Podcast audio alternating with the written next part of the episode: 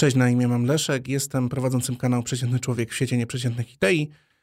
Część z Was zna mnie tylko z głosu, niektórzy znają mnie twarzą w twarz. No więc dzisiaj porozmawiamy sobie o tym, jak to jest być tą miłą osobą, tym Mr. Nice Guyem, osobą, która zgadza się na absolutnie wszystko.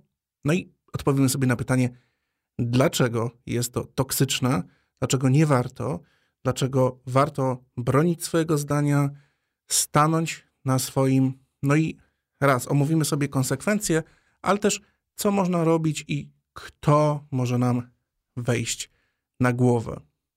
Zapraszam.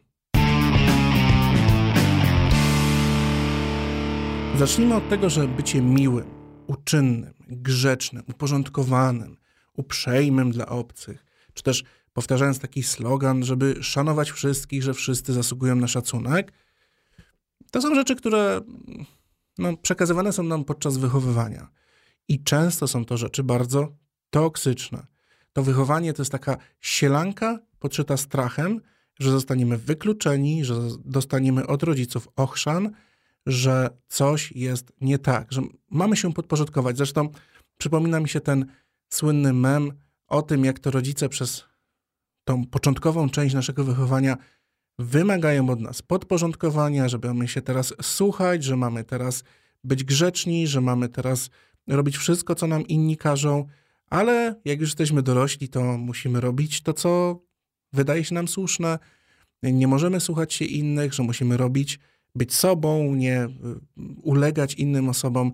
No i jak widzisz, jest tutaj spory dysonans y, poznawczy, bo wychowywani jesteśmy tak, a w dorosłym życiu oczekiwane jest od nas coś zupełnie innego. I to fakt z psychologicznego punktu widzenia, bycie osobą, która jest uległa, ma bardzo poważne konsekwencje, w szczególności w tym obszarze pewności siebie, tego, jak, jakie mamy spojrzenie na samego siebie. Natomiast bycie osobą, która y, potrafi stawić opór, która y, nie podporządkowuje się być może jest ciężej z taką osobą współpracować, ale w długim czasie, w długim e, terminie w życiu e, jest to zdecydowanie bardziej korzystne. Potrafimy obronić e, swoje zdanie, potrafimy je wyrazić. Tylko jedną rzecz tutaj warto zaznaczyć, bo u nas w języku polskim słowo bycie miły jest tożsame z powiedzeniem bycie uprzejmym. Ja absolutnie nie, nie namawiam tutaj nikogo, żeby być chamskim, żeby być nieuprzejmym. Antoni Słomiński świętej pamięci mówił, jeśli nie wiesz, jak się zachować, zachowaj się przyzwoicie. To jest bardzo dobre powiedzenie, bardzo dobra myśl, więc zawsze warto zachować się przyzwoicie, w porządku wobec y, innych osób, natomiast nie zawsze warto być y, osobą uległą, bo tutaj chodzi głównie o tą uległość. Bycie tym miłą osobą patologicznie, pozwalaniem sobie wchodzić na głowę. Zacznijmy od tego, że samoświadomość i nieustępliwość jest zdecydowanie lepsza niż bycie uległym i miłym. Dlaczego mówię tutaj o samoświadomości? Dlatego, że kluczem tutaj jest zrozumienie tego, co ja chcę i umiejętność tego wyrażenia. Jeśli ja chcę, żeby osoba, która ciągle ode mnie pożycza dychę, ciągle ode mnie bierze śniadanie, bierze ode mnie zadanie domowe w, w szkole, czy w pracy ciągle y, spada na mnie część obowiązków tej osoby, bo ona się z czymś nie wyrabia i my ciągle te obowiązki na siebie bierzemy. Jeśli mamy tą świadomość, że tego nie chcemy, no to musimy być nieustępliwi. Musimy postawić granice. Więc samoświadomość i nieustępliwość jest lepsza niż bycie uległym i miłym. I przede wszystkim zwiększa to poczucie własnej wartości, ponieważ w momencie, gdy coś chcemy osiągnąć i chcemy coś powiedzieć, to obiecujemy sobie, że zrobimy to. I za, I za każdym razem, kiedy tego nie robimy, obiecujemy sobie taki. To jest taka obietnica dana sobie, która nie jest wypowiedziana w formie obietnicy, ale my sobie obiecujemy, że następnym razem będzie lepiej. Następnym razem zachowamy się y, tak, żeby obronić własne pragnienia, własne zdanie, własne dążenia. No i gdy się rozczarowujemy, kiedy dajemy ciała przed samym sobą, no to mamy niższe poczucie własnej wartości, niższą samoocenę, daliśmy ciała przed samym sobą. Więc uleganie czyjejś woli uczy nas, że czyjaś wola jest ważniejsza od naszej. Że zaczynamy przedkładać czyjeś interesy ponad nasze własne. Jeśli jesteśmy w taki sposób wychowywani, a bardzo często właśnie to się zaczyna przy wychowywaniu, że musimy najpierw dbać o gościa, a potem o siebie.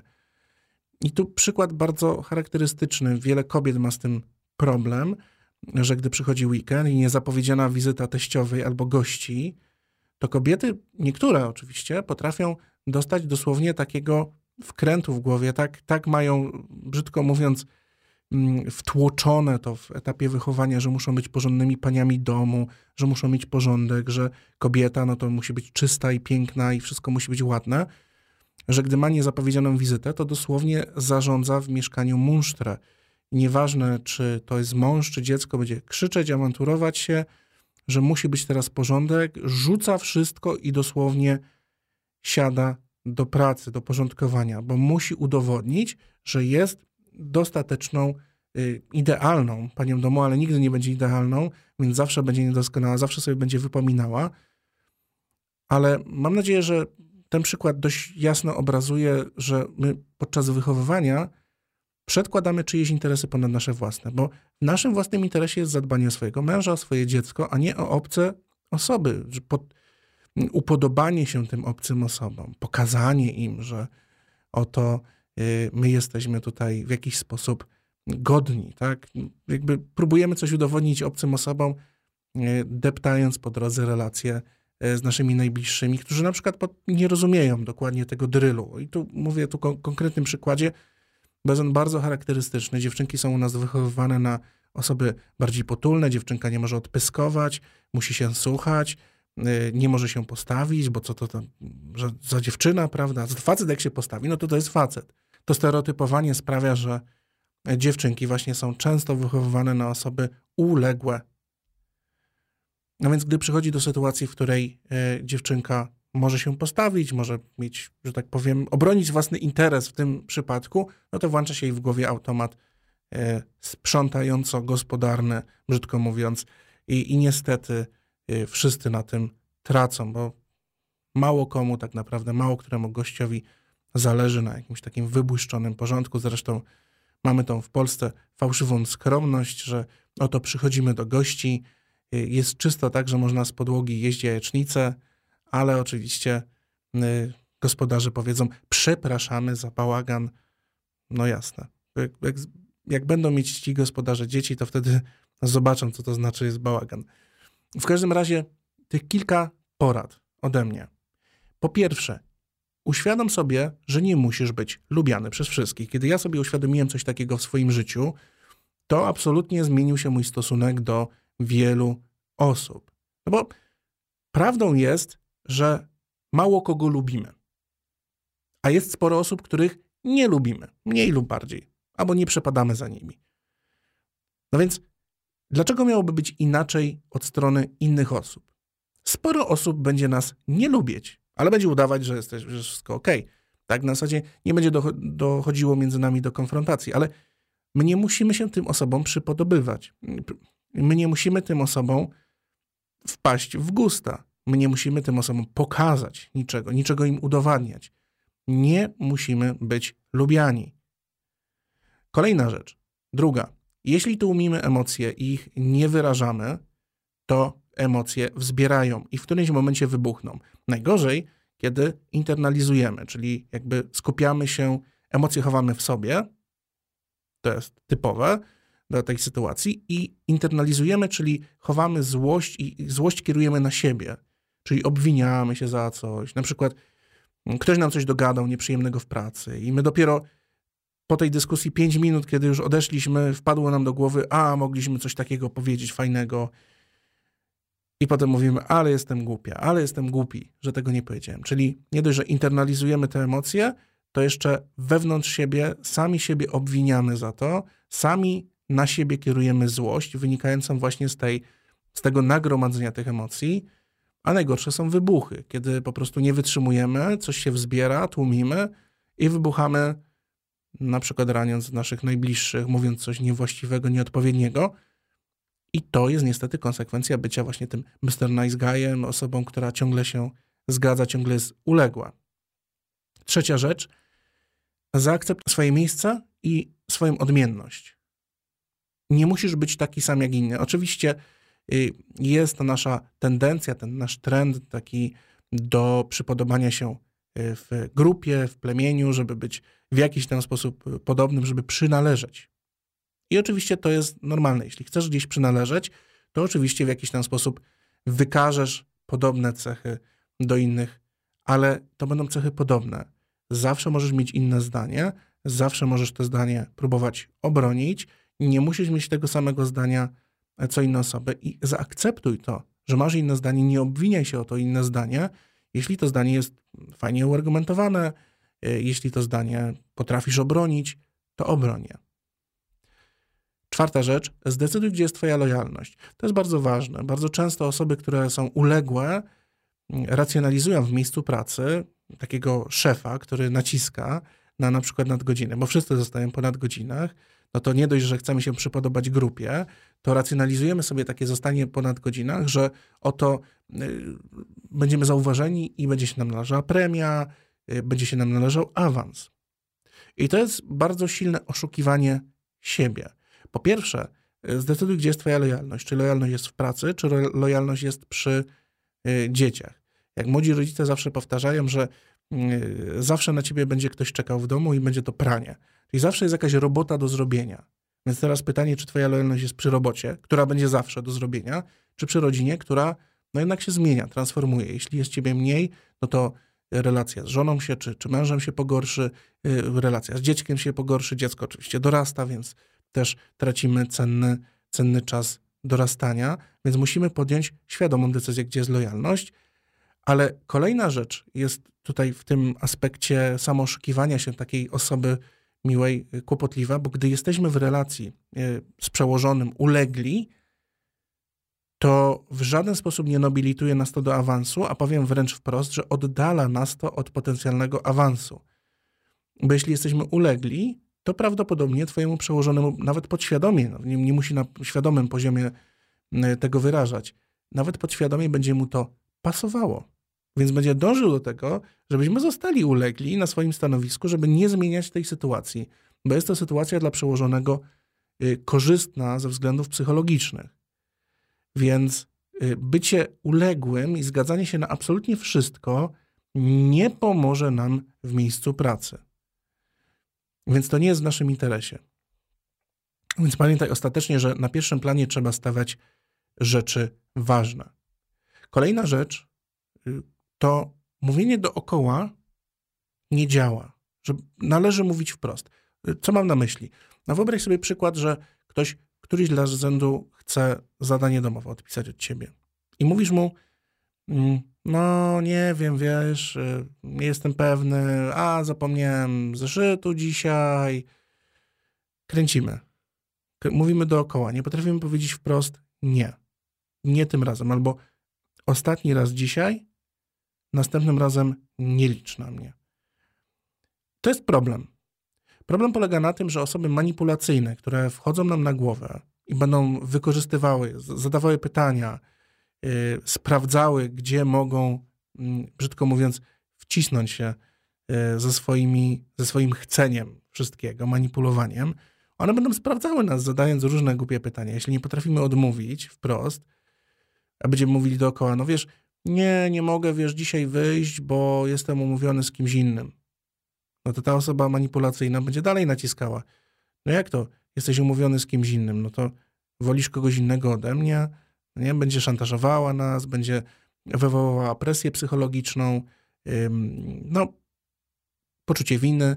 Więc to są kłopoty, które, których nie da się mówieniem dookoła załatwić. Nawet to bardziej komplikuje, bo osoba manipulacyjna wykorzysta każde słówko, które powiemy i obróci je w kolejny argument, bo jest osobą manipulacyjną, ona potrafi to robić i pokonuje w większości przypadków osoby uległe doświadczeniem.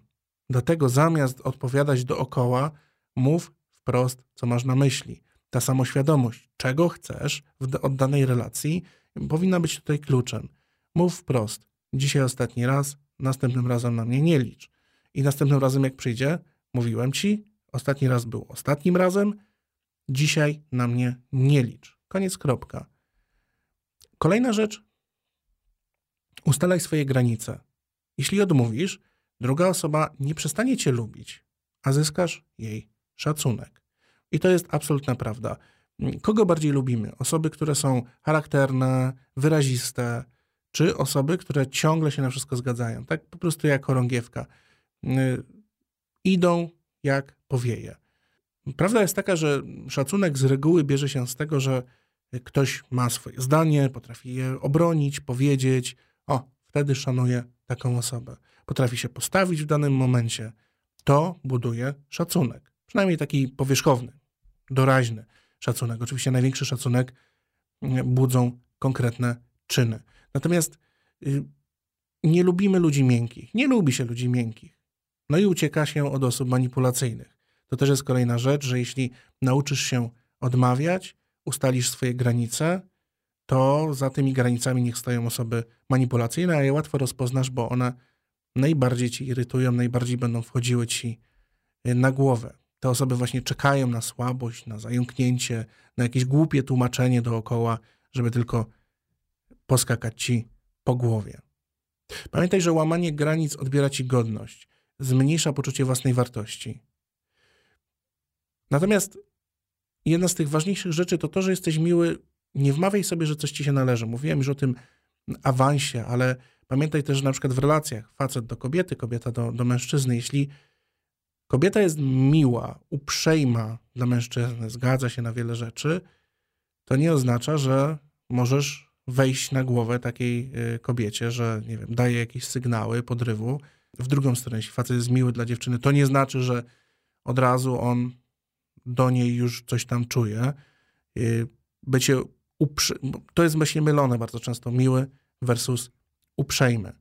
Natomiast ostatnia rzecz, którą chcę ci powiedzieć. Jeśli się nie upomnisz, to niczego nie dostaniesz. Jeśli jesteś w miejscu, w którym nikt się o nic nie upomina, tylko robi się to, co wszyscy robią, słuchają się szefa, y, robią to, co się im każe, to dostaniesz to, co dostają wszyscy. Jeśli robisz to, co wszyscy, dostajesz to, co wszyscy. Więc y, zamiast potulnie pokładać uszy w miejscach, w których możesz, upomnij się o swoje. Nie stój po przydział. W miejscach, w których możesz, upomnij się, że jesteś tu, stoisz, że należy ci się więcej, że uważasz, że potrzebujesz więcej uwagi, więcej czasu. Pamiętaj, że nikt się za tobą nie wstawi. Sami jesteśmy najlepszymi adwokatami samych siebie. Nikt nie obroni naszego zdania lepiej niż my sami. A jeśli przestaniemy bronić swojego zdania, urośnie w nas, te, te emocje w nas urosną, nazbiera się, urośnie w nas poczucie niesprawiedliwości. Na koniec, miły oznacza nudny, a pasja to jest właśnie charakter, to jest właśnie taka, takie przebijanie się. No trzeba, brzydko mówiąc, łapać tą rzeczywistość za jajca i po prostu robić z nią, co możemy. Więc jeśli nie chcesz, żeby cię krytykowali, jesteś miłą osobą, bo boisz się krytyki, to nic nie rób. No ale wiesz, jakie to będzie miało konsekwencje.